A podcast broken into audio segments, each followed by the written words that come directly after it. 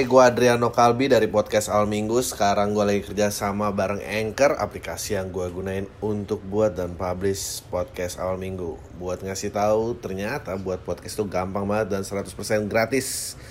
Semua yang kita perluin untuk buat podcast juga ada di Anchor, termasuk distribusi ke Spotify dan platform podcast lainnya. Yuk, download aplikasi Anchor dan bikin podcast kamu segera.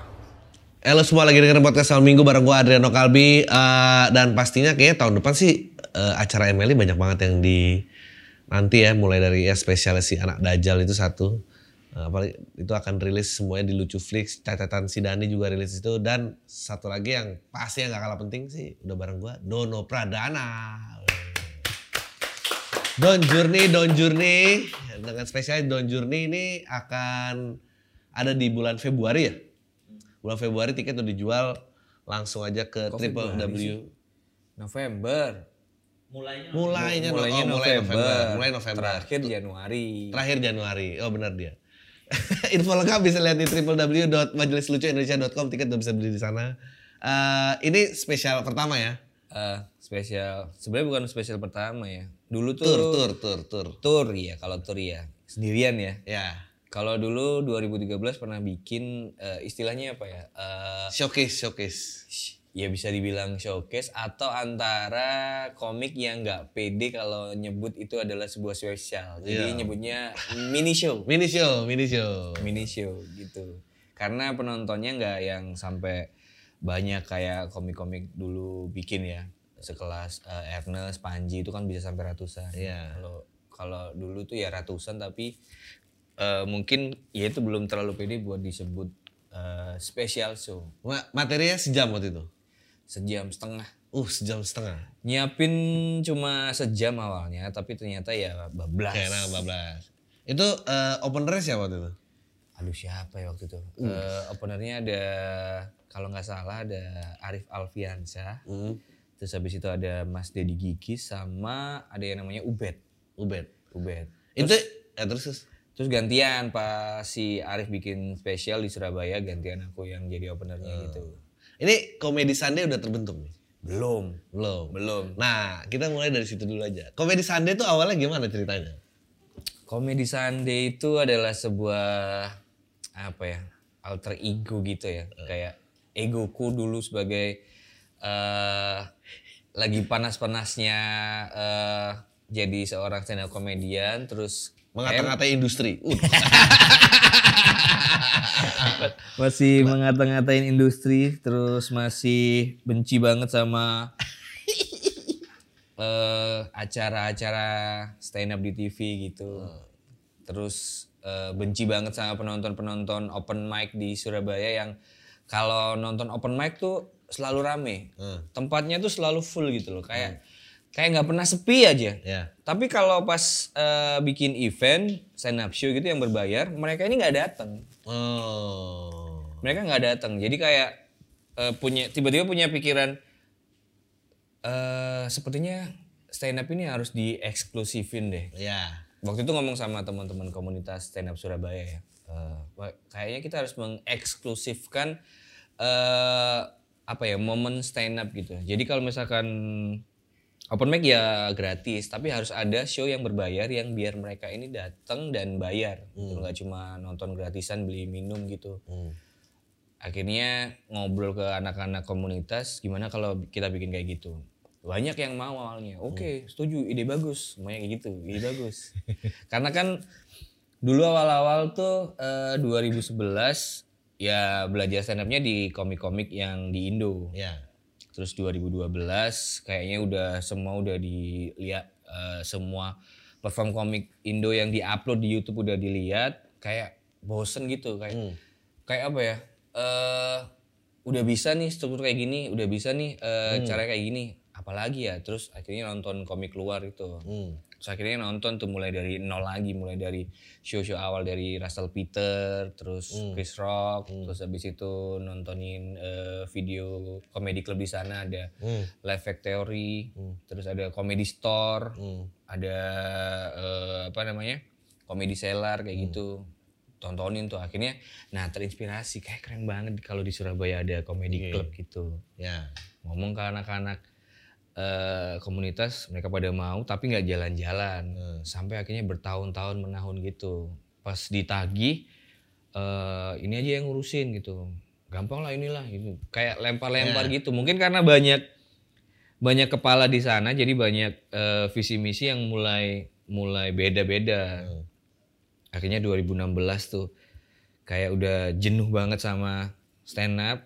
Di Surabaya sendiri udah udah kayak bosen terus habis itu di TV juga waktu itu stand up juga udah mulai dikenal banyak orang karena kan berawal dari kompetisi Suca waktu itu Suca di Indosiar. Habis itu semua stasiun TV kayak ada stand up-nya semua program tuh ada stand up-nya walaupun kita tahu sebagai stand up comedian yang nonton ini tuh bukan stand up ini tuh nggak nggak stand up stand up banget karena satu nggak ada stand up terus ketawanya ya gitu dan nggak ada konsep stand up yang tiba-tiba kayak dadakan gitu Ya. kan dulu sempat ada tuh eh, kayak apa judulnya ya? mendadak stand up atau apa gitu mendadak stand up. mendadak stand up jadi si komik itu kayak ditutupin matanya terus ditaruh di suatu tempat yang dia nggak tahu dia berada di mana dan disuruh stand up di situ Oke. sebenarnya itu kan ngerusak eh apa ya idealisnya seni stand up itu kan. Ya. karena ya, stand up yang benar adalah ya di panggung proper gitu kan. Eh, karena mungkin kekreatifan eh, tim kreatif TV di Indonesia ini yang melampaui batas akhirnya gitu. Nah terus apa ya jenuh gitu. Akhirnya bikin ya udahlah bikin sendirilah daripada nggak jalan-jalan. Akhirnya mulai dari eh, nyari eh, apa namanya minta solusi dulu waktu itu ngobrol sama eh, si komik Jogja AB Ya, Abraham AB. Tino Eh. dia kan soy banget sahabat saya banget sahabat idealisku gue sayang banget sama dia nih.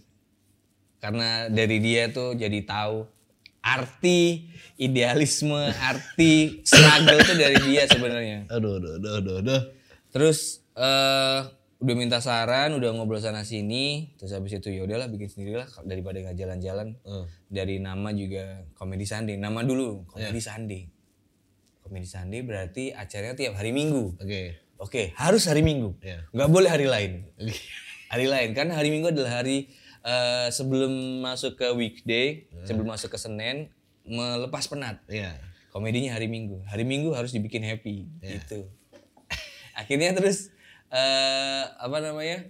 eh, nyari venue sendiri, nyari muter-muter di kafe eh mau di kafe yang tempat open mic. Tapi waktu itu kan berseberangan sama anak-anak komunitas nih gara-gara bangsat-bangsat tuh nggak jalan-jalan. Biar nggak identik sama acara komunitas. eh, ya udah bikin acara lain. Akhirnya ada waktu itu ada radio dia punya konsep yang bagus banget jadi ada eh, studio radio terus habis itu atasnya kafe terus di bawahnya tuh kayak ada basement gitu. Nah itu tempatnya tuh brong banget menurutku ya. Terus habis itu udah kebayang tuh eh, panggungnya segini levelnya segini terus pencahayaannya. Cuma waktu itu yang miss adalah tempatnya itu eh, mungkin pengap ya karena kan di basement ya. Pengap terus cuma ngandelin cahaya dari pintu keluar eh apa namanya eh, ngandelin udara masuk tuh dari pintu keluar. Hmm. jadinya eh, kepikirannya waktu itu nggak bisa nyewa AC karena mahal banget ternyata. Terus habis itu terus habis itu eh, desain poster sendiri. Eh. desain poster sendiri desain poster sendiri. Habis itu venue udah deal desain poster udah oke. MC-nya siapa ya? Mikir lagi MC MC ya udahlah aku sendirilah kayak gitu. Lu kenal Abe dari kapan? Kenal AB tuh dari 2013 2013. Karena AB itu dulu ceritanya dia di Jogja eh, terus nggak tahu kenapa dia nyam ngubungin di Twitter dia ngajak ketemuan. Oh. dia ngajak ketemuan terus habis itu eh kenapa nih mau ngajak ketemuan? Dia katanya mau ngobrol, ngobrolin project itu terus akhirnya si AB dia nyamperin aku ke Surabaya waktu masih gondrong tuh dia. udah gondrong banget. Kayak Didi Kempot lah. Sebelum capek ya. Terus sebelum capek. terus si AB nyamperin ketemuan dua orang. Dia tuh waktu itu eh, dia bilang manajernya gokil nih orang udah nggak nggak kenal dia siapa tiba-tiba punya manajer. Gokil banget. lucu banget. Habis itu ngobrol tuh di Surabaya. Tuh dia ngasih tahu kalau dia punya project ya kayak semacam komedi sandi gitu. Dia bikin komedi club dia bikin komedi project. Uh, pinginnya itu ngundang aku. Kenapa ngundang aku? Karena dia melihat uh, apa namanya aku tuh sama kayak dia. Hmm. uh, samanya tuh kayak uh, visi dan misi sama idealisnya tuh sama gitu. Dia sama, sama kesel sama TV maksudnya. Sama-sama kesel sama TV sama sama kesel sama komunitas ya waktu itu mungkin ya. Terus habis itu uh, dia nawarin mau nggak bikin kayak comedy show hmm. di Jogja. Hmm. Nanti semua uh, transport akomodasi ntar aku yang atur. Hmm. Pokoknya nanti kamu di Jogja pas shownya uh, cuma is perform aja modal modal ini aja modal apa namanya? Uh, modal materi sama jiwa dan raga. Uh, menarik nih. Ya udahlah waktu itu kan emang nggak konsennya bukan nyari duitnya bukan nyari untung. Hmm. terima tuh mas. Oke satunya siapa? Satunya ada PP hmm. PP Isam anak Jakarta gitu. Anjing PP masih ini nih stand up Terus habis itu uh, cuma bertiga doang, iya. Openernya ntar ada openernya ada anak Jogja gitu. Kalau mau bantu bikin promonya dulu. Jadi promonya itu ntar kita share di YouTube. Jadi waktu itu belum ada komik yang bikin kayak teaser-teaser gitu. Yeah, yeah, yeah. AB udah kepikiran. Udah gokil banget ya. Gokil. Jadi visioner, ntar visioner. Iya. Jadi uh, konsepnya itu adalah belum nampilin siapa performernya dulu. Jadi hmm nama shownya itu waktu itu Under Pleasure. Uh. Under Pleasure. Terus dia punya ntar kalau misalkan uh, teaser awal udah jadi, teaser kedua muncul. Teaser uh. kedua tuh udah kita udah kenal siapa performernya, terus persiapan kita prepare-prepare gitu. Ah, anjing keren banget nih kan Oke oke oke oke keren keren keren keren gitu. Udah pokoknya keren waktu itu. Bodoh amat lucu apa enggak shownya nggak peduli pokoknya keren gitu. Terus habis itu dikasih tahu konsepnya. Jadi nanti konsepnya Don uh, eh, MC ada MC-nya, uh, eh, terus ada DJ gitu. Jadi sebelum kita masuk itu diiringi DJ. Uh. Terus habis itu sebelum DJ ada seksi dancer gitu. Pokoknya uduh, kita uduh, uduh, iya kita bikin uh, acaranya itu sebrong mungkin se ini mungkin apa namanya? beda kayak acara-acara biasanya. So aku mikir kok kayak Dev Comedy Jam ya. Yeah. Gitu ternyata dia emang terinspirasi gitu di Comedy Jam hebat terus akhirnya ya udah bikin acaranya eh, Jalan nggak? Tiketnya 45 kalau nggak salah. Udah, udah, udah, udah, udah. 45 ribu waktu itu. Paling mahal tuh 50 ribu. Uh. Dan dulu stand up show di Indonesia harganya paling paling standar adalah 25 ribu. Iya betul. Paling mahal 35 ribu. Dan kami waktu itu bikin udah di angka 40 ribu kalau nggak 50 ribu. Uh itu udah mahal banget tuh. Nah waktu itu pas uh, acara udah pas hari H, bangsatnya adalah uh, itu sempat kesel sama teman-teman komunitas Jogja waktu itu. Jadi pas hari H, uh, eh bukan hari H, Hamin Hamin satu atau oh iya hari H sorry, pas hari H tuh hujan. Hmm. Terus nyampe di Jogja pas di venue, kok venue-nya belum siap, hmm. masih panggung doang, masih level. Hmm. Kursinya mana? Kursinya masih di pojokan. Loh, katanya kerja sama sama komunitas. Hmm. Kan komunitas emang bantu promo kan. Di poster juga ada komunitas uh, support by Stand Up Indo Jogja gitu. Nah, waktu itu uh, baru tahu ternyata AB itu kalau di Jogja dulu nggak yang uh, friendly able gitu. ternyata tuh ada kubu-kubuan gitu. Jadi uh. ada kubu si uh, senior siapa sama si AB gitu. Ya ampun. Nah terus pas di sana ya udah mau nggak mau akhirnya karena kalau ini nggak nggak ditata sendiri kursinya ya siapa lagi yang bantuin natain bangku bleng bleng bleng natain udah rapi terus karena lumayan banyak ya ada 100 lebih gitu capek istirahat terus nanya anak-anak Jogja ke mana ini mereka nobar komik egg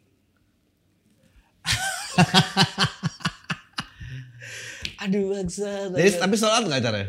Enggak lah. Oh. Siapa yang mau nonton acara nggak laku kayak gitu? Iya. Oh, Jadi seksi dancernya nggak ada juga? Ada, kalau itu ada. Tekor di kos dong. Seksi dancernya ada. Ya ampun. Tekor di kos. Jadi penontonnya ada. Uh itu fail banget acaranya. fail banget. Kalau dibilang itu gagal, iya gagal. Tapi Berapa orang pembelinya? Dari target 100 yang beli itu eh, sekitar 40. Oh lumayan lah, hampir setengah. Iya, hampir setengah. Dan setengahnya anak komunitas, ya kan? Yang setengahnya anak komunitas. Tapi karena waktu itu hari itu hujan, mas. Hujan deras banget. Tiba-tiba kayak hujan gitu, deras banget. Terus akhirnya acara yang harusnya mulai jam 7 itu molor sampai jam setengah 9 apa? Gila. Karena nunggu penonton datang. Karena kalau maksain penonton datang masuk itu cuma 6. Dari 40 tiket cuma 6 Gokil. cuma enam doang. Ya nggak bisa akhirnya ya udahlah. Eh, satu persatu. Waktu itu Abi ngajak eh, ngomong kita ngomong ke penonton yuk. Kita minta maaf kalau acara telat. Karena kalau kita mulai nanti ini malah mending kita bikin grup aja. Bercanda-bercanda di situ. akhirnya nyamperin satu persatu tuh. "Eh, Mas makasih udah datang. Tapi maaf ya acaranya mundur karena ini eh, hujan deras sama penontonnya yang lain belum datang oh iya nggak apa-apa ya udah akhirnya kita bonding sama penonton 6 itu Terus satu persatu mulai hujan model sedikit reda tuh satu persatu datang, datang, datang. Akhirnya ya udah sekiranya kelihatan banyak ya udah masuk lah. Nah pas masuk itu nggak sampai 40. Paling cuma sekitar 26 atau 18 atau Nih, tapi lengkap deh. Acara ada DJ, ada seksi DJ. ada tetap. MC tetap jalan lighting main terus habis itu eh, DJ terus habis itu seksi dancer masih main gitu terus opener pertama opener kedua terus mulailah headliner PP terus aku terus AB Pecah semua tapi. enggak Kok bisa gak pecah? yang pecah cuma eh, opener kedua itu pun cuma beberapa beat yang kedua aku pecah. Hmm. yang PP itu enggak seberapa terus habis itu AB karena karena mungkin ya kebanyakan yang nonton adalah teman-teman komunitas. Mereka udah tahu Udah materinya hafal. udah AB Udah udah, hafal. jadi AB agak goyah gitu. Dan AB capek juga ya karena dia bener-bener yang ngurusin gitu loh. Dia nggak ada PIC utama yang apa ya? Ya dulu kan Iya, iya. kalau bukan kita yang bikin sendiri siapa, lagi tapi kan literally bikin sendiri ya. Bukan, bukan yang ngajak tim gitu ya. Bikin panggung sendiri iya. Panggungnya bener-bener bikin sendiri. Ngangkat level naruh kursi. Itu sama AB terus pas pas pulang mau dikasih uang tuh nggak usah nggak usah. AB-nya udah udah udah nggak apa ini ini kesalahanku tapi dia bilang gini "Eh, aku janji ntar kalau bikin lagi eh, aku bakal bikin lebih lebih gede dan lebih keren dari yang pertama. Oh iya. Bikin gak? dia nggak bikin bikin akhirnya ya udah aku bikin komedi Sunday Oh. Eh, komedi Sunday awal kan dia aku ajak kayak ini loh kayak gini loh kalau bikin. Iya. kalau kita udah punya nama kayak gitu. Dulu kan kita pede ya udah modal pede aja. Tapi ternyata juga capek-capek sendiri Kalau LPLK Comedy Sunday tuh Comedy Sunday kedua ya? komedi Sunday sebenarnya itu udah kan gini ya eh, komedi Sunday itu eh, konsepnya adalah mengundang komik-komik Ya. yang per- dulu tuh gini konsepnya sebelum jadi komedi Sunday yang sekarang ya komedi Sunday itu adalah sebuah eh, acara eh, sebuah komedi club yang tiap bulannya eh, bikin acara stand up show di mana komik yang perform itu adalah komik-komik yang dia tuh eh, sebenarnya lucu tapi nggak dapet tempat. Kayak Iya. nggak nggak nggak pernah masuk TV nggak pernah diundang di eh, luar kota atau atau eh, ataupun dapat kesempatan untuk panggung dapat panggung besar. Nah komedi Sunday ngasih wadah itu. Hmm. awalnya kayak gitu. Nah kenapa waktu itu eh, LPLK eh, kerjasama sama komedi Sunday eh, kayak aku kepingin ngajak sampean ke Surabaya? Karena waktu itu kan Adriano Colby adalah ikon dari komik-komik. Dari stand up comedian stand up comedian yang apa ya patah hati sama eh, industri tapi tetap bisa struggle gitu loh. Nah itu. Komedi Sunday itu kayak apa ya udah kayak terinfluence sama Adriano Colby. Adriano Colby kan dulu kayak gitu kan. Nah, kita nggak Sekarang juga masih kok. Mau ke mana? Gak ada Adriano Kalbi segini aja. kita tuh nggak lihat dia ada di TV mana, main di show mana gitu. Tapi kita bisa tahu namanya itu di mana-mana gitu loh. Kayak gitu. Jadi dia adalah salah satu ikon komik pemberontak gitu. Tapi tapi eh, apa Don yang kalau dari kamu nih paling ngeganggu gitu? Kayak kalau aku tuh dulu salah satu ngeganggu tuh yang pasti sebetulnya panggungnya seneng-seneng aja. Hmm. Tapi yang bikin sulit sebetulnya eh, kalau penontonnya tuh eh, bayaran. Hmm. Ya, penonton bayaran tuh susah banget, kita nggak bisa Iya. connect gitu. Iya. Terus sama eh, titipan materi, titipan materi tuh buat gue kayak aduh ini apa ya gitu. nah kalau kayak mendadak stand up gitu-gitu Hmm. sebagai performer gitu ngeliat gitu kayak apa yang lo rasain gitu? Dia ngerusak, ngerusak, ngerusak aja kayak ngerusak. Jadinya kayak orang yang nggak tahu stand up terus mikir, oh stand up bisa di kayak gini Ah. gitu. Ya udah deh kapan-kapan eh, bikin acara di kapal selam mungkin lucu ya menghibur para orang-orang yang bekerja di kapal selam gitu. Oh kayak gitu. Oh stand up tuh bisa sambil kayaknya sambil surfing lucu deh gitu. Jadinya itu kayak bikin orang-orang yang nggak tahu jadi akhirnya ngawur gitu, menar naruh eh, stand up di sembarang tempat. Jadi kan misal diundang ada eh, klien eh, pingin acaranya ada stand upnya, CEO kan pasti nyari tuh stand up comedy siapa. Eh, mas ini ada ini bener mas ini ya iya. Eh, mas kalau mau ngejawab sampean di acara ini berapa ya? Segini harganya nih. 10 juta misalnya, 10 juta. Oke 10 juta. Ya, tapi ini acaranya eh, kayak gini mas konsepnya. Jadi konsepnya misal ngawur gitu. Eh, terus si stand up comedian nolak. Oh nggak bisa gitu kalau stand up. Lah itu di TV bisa kayak gitu mas. Ya ya ya memang sih. Itu tuh yang bikin rusak gitu loh.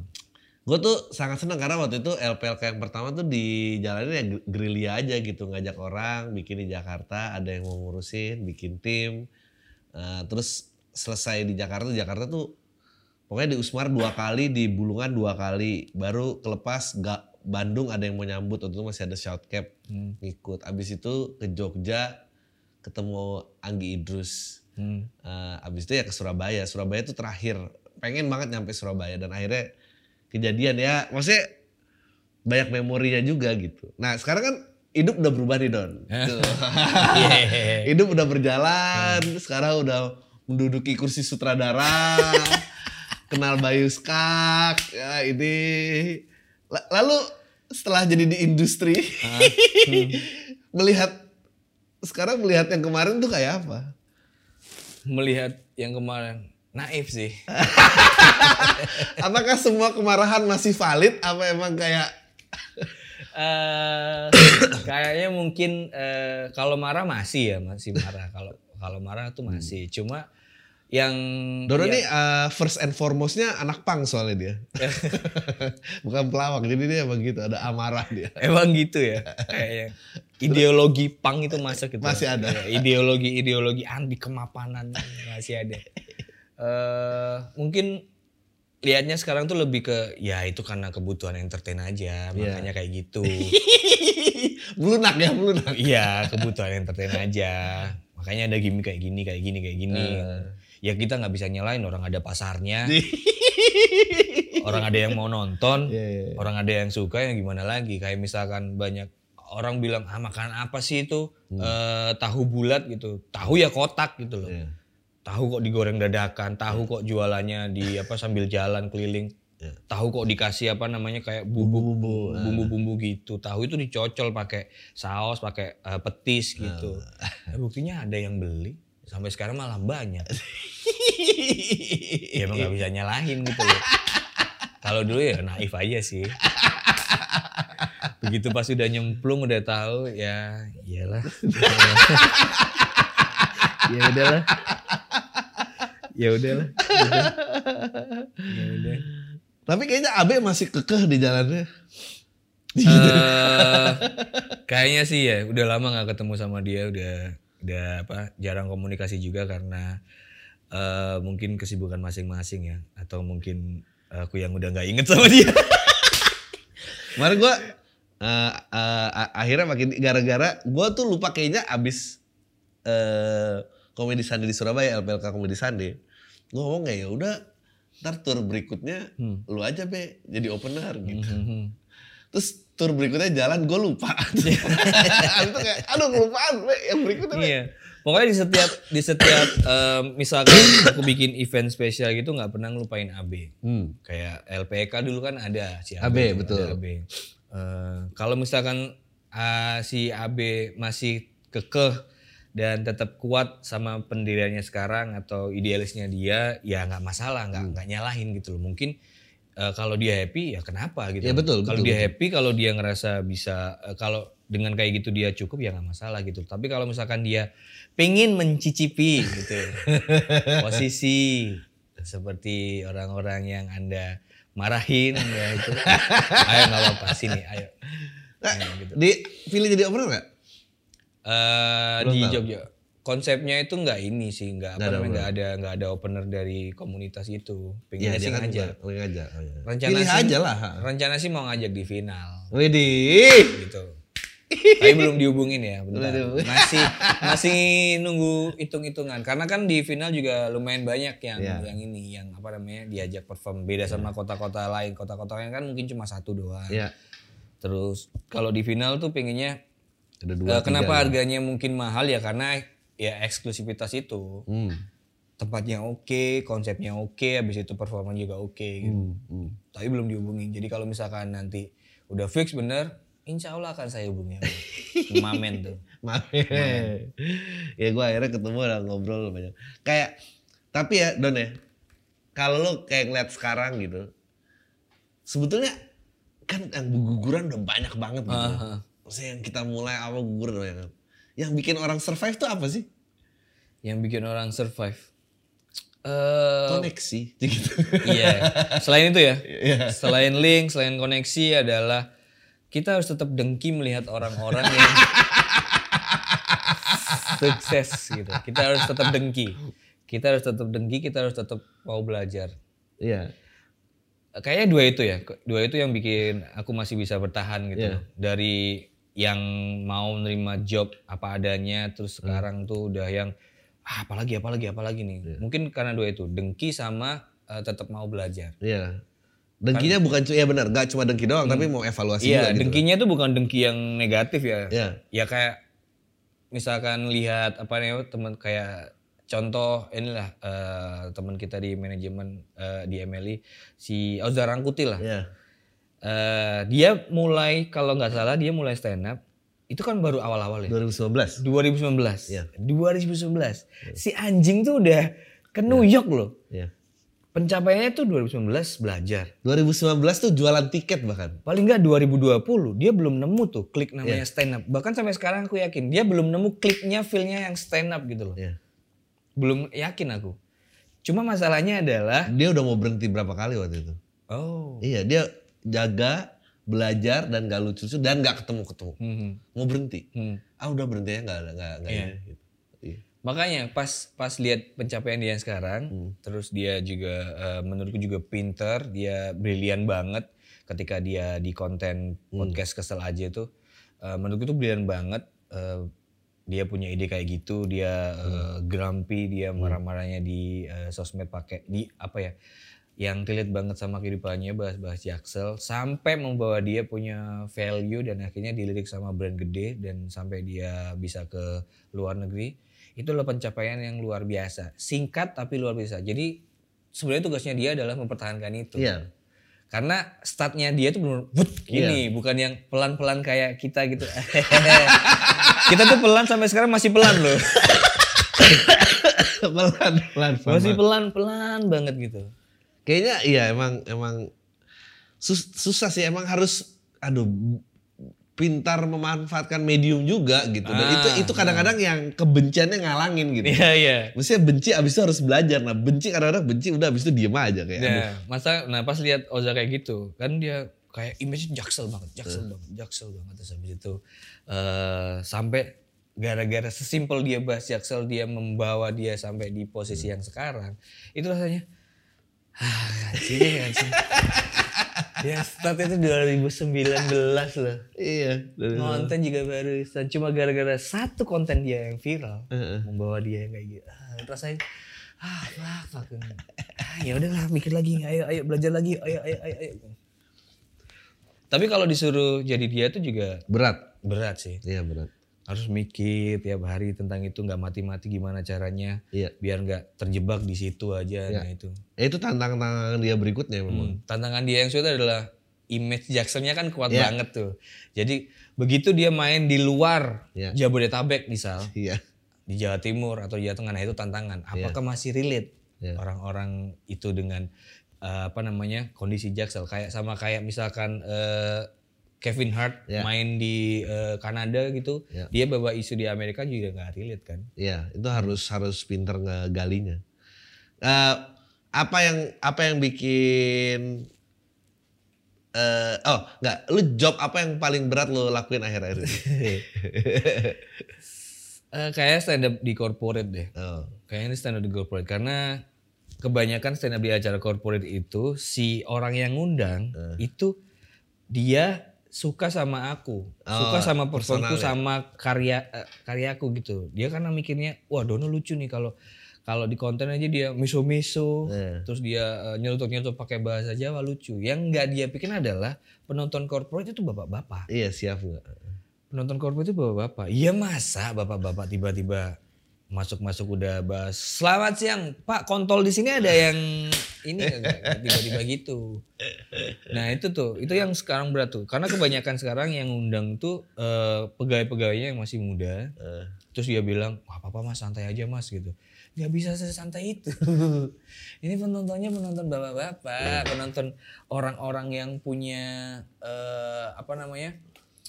Eh, punya kekuasaan di perusahaan kalian gitu. Joknya itu harus bener-bener yang eh, mereka banget, yang aman. Nah itu kan waktu itu pernah perform terus eh, kurang tuh, Eh. kurang banget.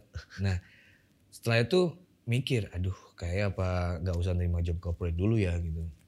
Tapi duitnya gede, tapi duitnya gede gimana ya? Eh, terus bilang ke apa namanya? Ke manajer. Waktu itu bilang ke Sari Sari aku nggak mau uh, nerima job corporate dulu ya gitu. Eh lah kok tiba-tiba? Don ini ada job ini nih di Bali gitu. Hah? Acara apa? Acara bank ini? Waduh. Tapi duitnya segini. Aduh. Langsung pusing. pusing. Pusing. Ya tapi kan dulu pusingnya nggak ada job. Kalau sekarang kan duitnya gede jobnya nggak enak. Beda masalah. beda masalah Beda masalah. bener beda masalah Apa yang apa yang Dono sekarang lakuin tapi Dono yang lama nggak mau ngelakuin? Dono yang dulu lakuin Ya Dono yang sekarang lakuin tapi yang lama dulu nggak mau ngelakuin. Kalau yang lama tahu nih kayaknya nggak mau. Ya. ini sih bikin video-video buat eh, brand corporate KOL KOL gitu ya. Oh iya iya, itu pasti berat Iya ya. kan. Joget-joget. Oh iya iya iya. iya. Terus habis itu harus eh, yang senyum bahagia. Iya iya iya. Eh, Terus pencitraan. Iya. Nah itu. Jadi buat teman-teman follower saya di sosmed, di eh, apa namanya? di Instagram gitu khususnya nggak gitu-gitu banget kok kehidupan saya. Itu tuh cuma sedikit pencitraan biar value tetap terjaga gitu. Nggak nggak nggak yang nggak yang apa namanya nggak seperti yang kalian bayangkan. gitu. Kalau Dono dulu yang lihat kayak eh ngapain sih kayak gini? Eh inget deh. Dulu anda membenci ini ya. gitu. Anti kemapanan. Anti kemapanan. Eh, anak pang kok makan di tempat kayak gini. Eh. Hmm. Anak pang kok kayak gini. Aduh. Eh tapi gue mau ngangkat lagi soal ini. Rasanya waktu itu konten sama Crazy Rich tuh gimana? Melihat dunia itu. Maksudnya kan dunia itu kan tadinya jauh banget kan. Hmm. Tiba-tiba tek mereka suka sama lo terus masuk terus pada nggak tahu pentol, pada nggak tahu. Tahu nggak tahu nggak tahu mereka nggak tahu mereka nggak tahu ternyata ngonten terus diapresiasi di sosmed menyenangkan ya mereka nggak tahu mereka tuh mereka cuma fokus flexing flexing flexing gitu Lambang kekecewaan orang tua semua itu.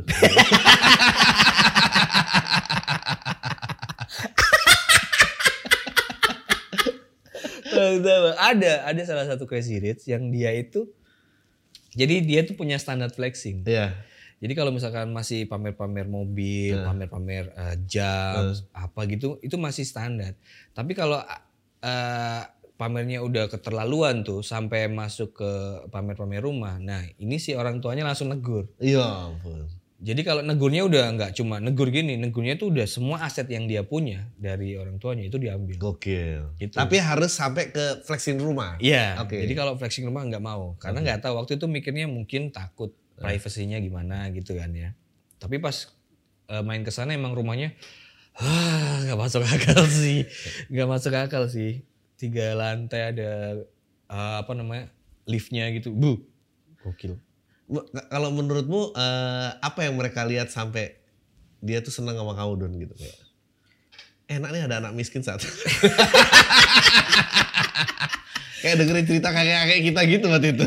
iya, mungkin dia seneng lihat orang norak yang kayak belum pernah lihat sesuatu. Oh, ini apa? Rolex berapa? Ah, 500 juta. Yang ini berapa? 4 M. Wuh. Mungkin mereka seneng lihat orang kaget ya kayak Iya. kayak gitu-gitu loh. Sama ya itu kalau aku sih ngerasanya dulu pertama kali ketemu sama uh, Crazy Rich Crazy Rich ini sebelumnya kayak uh, masih minder gitu. Mindernya karena uh, level dia udah tinggi banget, aku masih di sini. Tapi ada ada level yang dia nggak punya, level tentang uh, Pengetahuan berkarya. umum. Oh, kira pengetahuan umum. Pengetahuan umum juga sih. Pengetahuan umum yaitu uh, ada level yang dia nggak punya, level tentang uh, membuat sebuah karya. ya. Nah, itu di atasnya banget aku. Nah itu yang membuat kayak agak sejajar tapi nggak berani yang sejajar-sejajar banget gitu. Lucu banget. Jadi terus eh, pertama kali ketemu mereka ya awalnya dijelasin buat collab tuh kayak hmm nggak mau nggak mau sering-sering lihat HP-an. hmm, hmm. Oh gitu. hmm, hmm. Ini kontennya waktu itu tak tunjukin konten bondo-bondo. Kayak gini kontennya. Eh, kayak gini. Ko. Waktu ini manggilnya Ko, masih Ko, belum nama, belum akrab kan. Oh, hmm, hmm. Oh ini ada ininya ya. Hmm, hmm. Iya bagus sih. Nanti pertanyaannya soal apa ya? Oh. Eh ya nanya kayak nggak mau nanya tentang ini sih yang pamer-pamer kekayaan gitu nggak. Cuma kita tuh eh pingin bahas kekayaan kalian ya. Eh, kayak rezeki yang kalian dapat itu dari mana aja. Udah pengen gitu aja sih. Oh gitu. Ya udah oke. Nanti bisanya hari ini jam segini ya. Oke gitu. Terus pas sudah eh, produksi terus videonya udah jadi trending tuh. Iya. Kan trending. Di YouTube tuh trending tuh. Hampir sempat trending di nomor 6 kalau nggak salah. Nomor 6 nah mereka seneng tuh. Hmm. terus di grup ngasih tahu apa? Ngechat. "Eh, Mas Dono manggilnya udah Mas Dono. Dulu itu masih bro bro gitu. Kan sekarang Mas Dono kapan nih kita ketemu lagi, lagi. kapan nih kita ketemu lagi kumpul-kumpul lagi ngopi yuk gitu. Waktu itu nggak tak balas karena aku mikirnya ternyata kalian juga suka dengan Haus perhatian. hal-hal fana kayak gini gitu.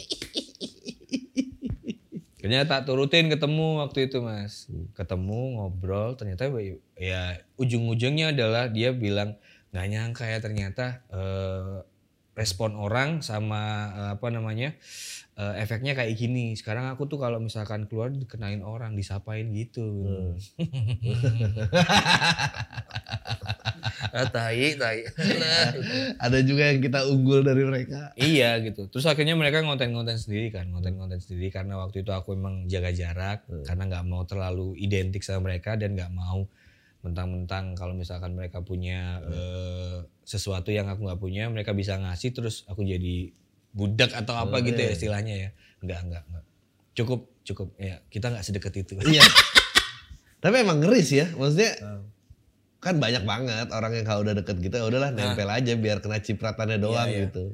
Beberapa ada yang jadi teman baik, beberapa ada yang enak diajak ngobrol, tapi beberapa ada yang baru kenal, baru ketemu tuh niatnya udah udah kepingin ini, kayak kepingin eh kemarin kan collab sama si itu tuh. Kalau misalkan aku collab sama kamu, bisa nggak sih kayak dia gitu? Ya nggak bisa. Formulanya kan beda gitu. Iya. Formulanya beda. Dia pinginnya niatnya pinginnya viral gitu. Pinginnya dikenal. Ya bertahap dong kalau mau. Terus tahu kalau eh, apa namanya harta-harta mereka juga nggak bersih-bersih banget itu yang oh, mundur tuh mundur tuh. Ini kalau menurut lu ya Dan ya.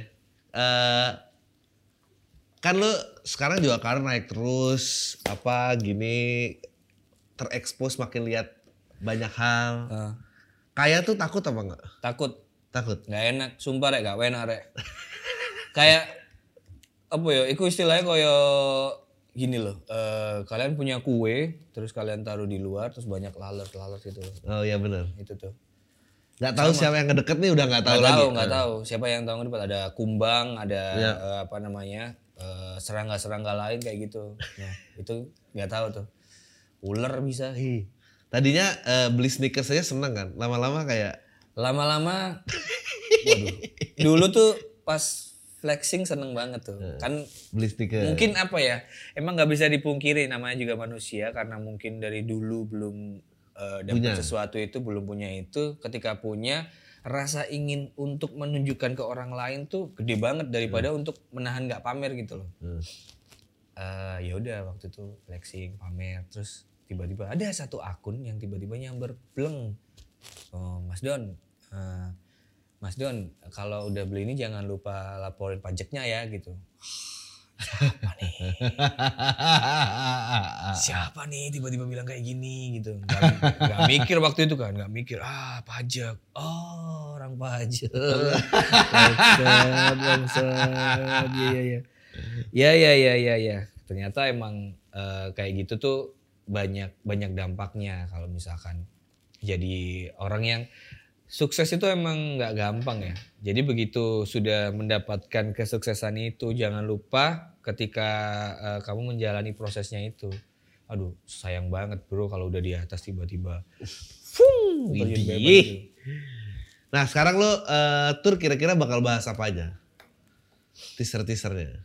Eh, bahas tentang perjalanan karir yang jelas. Hmm. Lika-likunya kayak gitu. Kayak stand up. Eh, Jadi manajernya muslim? manajernya muslim. Oh, manajernya muslim lo nih, gokil ya. Dulu manajer-manajer Jadi manajer muslim. orang Madura lo, sebagai orang Surabaya lo, rasanya kayak. manajer-manajeran dulu. Dulu nggak tahu muslim, mu- belum tahu bisnisnya ya, belum tahu bisnisnya muslim tuh eh, nawarin, udah cuk pegang aja aku, ntar ntar kita bagi ntar 20 persennya kamu, eh, sisanya aku kayak gitu. Nah waktu itu kan nggak tahu caranya jadi manajer. Waktu itu caranya jadi manajer cuma taunya eh sosmed di bio-nya itu CP-nya CP-nya, nomorku. iya. Jadi kalau ada kerjaan ntar aku yang nyepikin gitu. Yang nggak yang nggak aku tahu adalah harusnya seorang manajer itu nyariin kerjaan. Iya. Link sana, link sini, link sini gitu nyari kerjaan apa gitu. Nah waktu itu bener-bener cuma nerima telepon doang, nggak nggak nyariin kerjaan. Hmm. Dan itu pun kalau ada telepon nggak nggak tak angkat karena masih tidur. Balasnya kadang itu dua ah so sibuk goblok emang. Kadang tuh si orangnya sampai telepon si muslim. Eh, terus si muslim telepon aku, "Cok, ini ada orang ngechat gitu. Nawarin kerjaan. Kapan? Ini." Ya udah balas. Ya udah balas. Jadi muslim yang ngingetin aku. Kenapa nggak megang sendiri sih? Karena waktu itu mungkin saking deketnya, deketnya sama muslim ya di Surabaya waktu itu. Saking deketnya dan waktu di kompetisi juga eh, dia kombutnya sama aku. Jadi hampir hampir apa ya? eh hampir li- bukan 50 lagi ya. Hampir 70% materinya muslim yang di kompetisi itu dari aku. Jadi ngasih tahu, jangan gini cong, jangan gini cong gitu. Dia tuh bener-bener kaku, nggak bisa yang Iya. dulu tuh nggak bisa yang eh, Aku nih dari mana itu langsung gitu kan? Iya, nggak nggak nggak enak gitu loh. Kalau secara penampil tuh dia belum utuh waktu itu. Tapi dia menjual karena dia berkarakter. Iya. Kenapa Dono Pradana kok tidak lolos di kompetisi? Ya karena waktu itu saya nggak punya karakter. Nah, Jadi bedanya di situ nggak punya karakter dan kalau waktu itu ya lucunya mungkin di di ini di acara-acara komunitas gitu belum dikasih kesempatan aja. gitu. Kalaupun dikasih kesempatan juga pasti pulang minggu ke dua mungkin. Jadi selain lika-liku karir terus apa ya? Relationship, Heeh. relationship itu yang kayaknya paling Paling banyak. eh, lumayan banyak, lumayan menarik. Heeh. Terus cerita tentang eh, orang tua, kehidupan dulu, sama Surabaya yang jelas. Hmm. Surabaya Nah, kalau kota lain ntar yang Surabaya ganti. Enggak.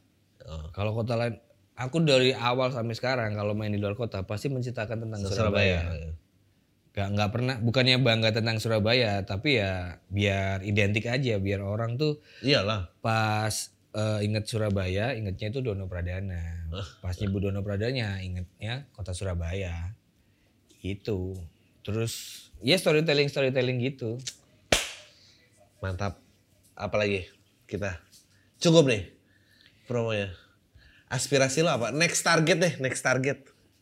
Next target pingin punya film, bikin film sendiri. Bikin film sendiri. Uh, lagi. Bukan film komedi ya, film horor. Horor.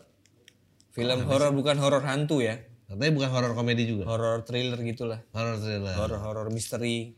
Gokil. Gitu. Pengennya kayak gitu, kayak kayak Jordan Peele Oh iya iya iya iya iya. ya horor serius banget yang itu. horor serius gitu. Iya, iya. Pengennya gitu. Meskipun ya ada komedinya juga tuh dia spesifik. Hmm. Sama pingin kayak pingin bikin live podcast deh. Live ya, Live menarik. podcast mendoan, pingin banget tuh. nggak keturutan-keturutan gara-gara Si gue juga sih. Cuh, sibuk. Gaya banget. sibuk. Ya udah buat lo yang tertarik untuk nonton spesialnya Dono Pradana, eh, info lengkapnya bisa dilihat di www.majelislucuindonesia.com. Udah itu aja dari gua. Tayo semua deh.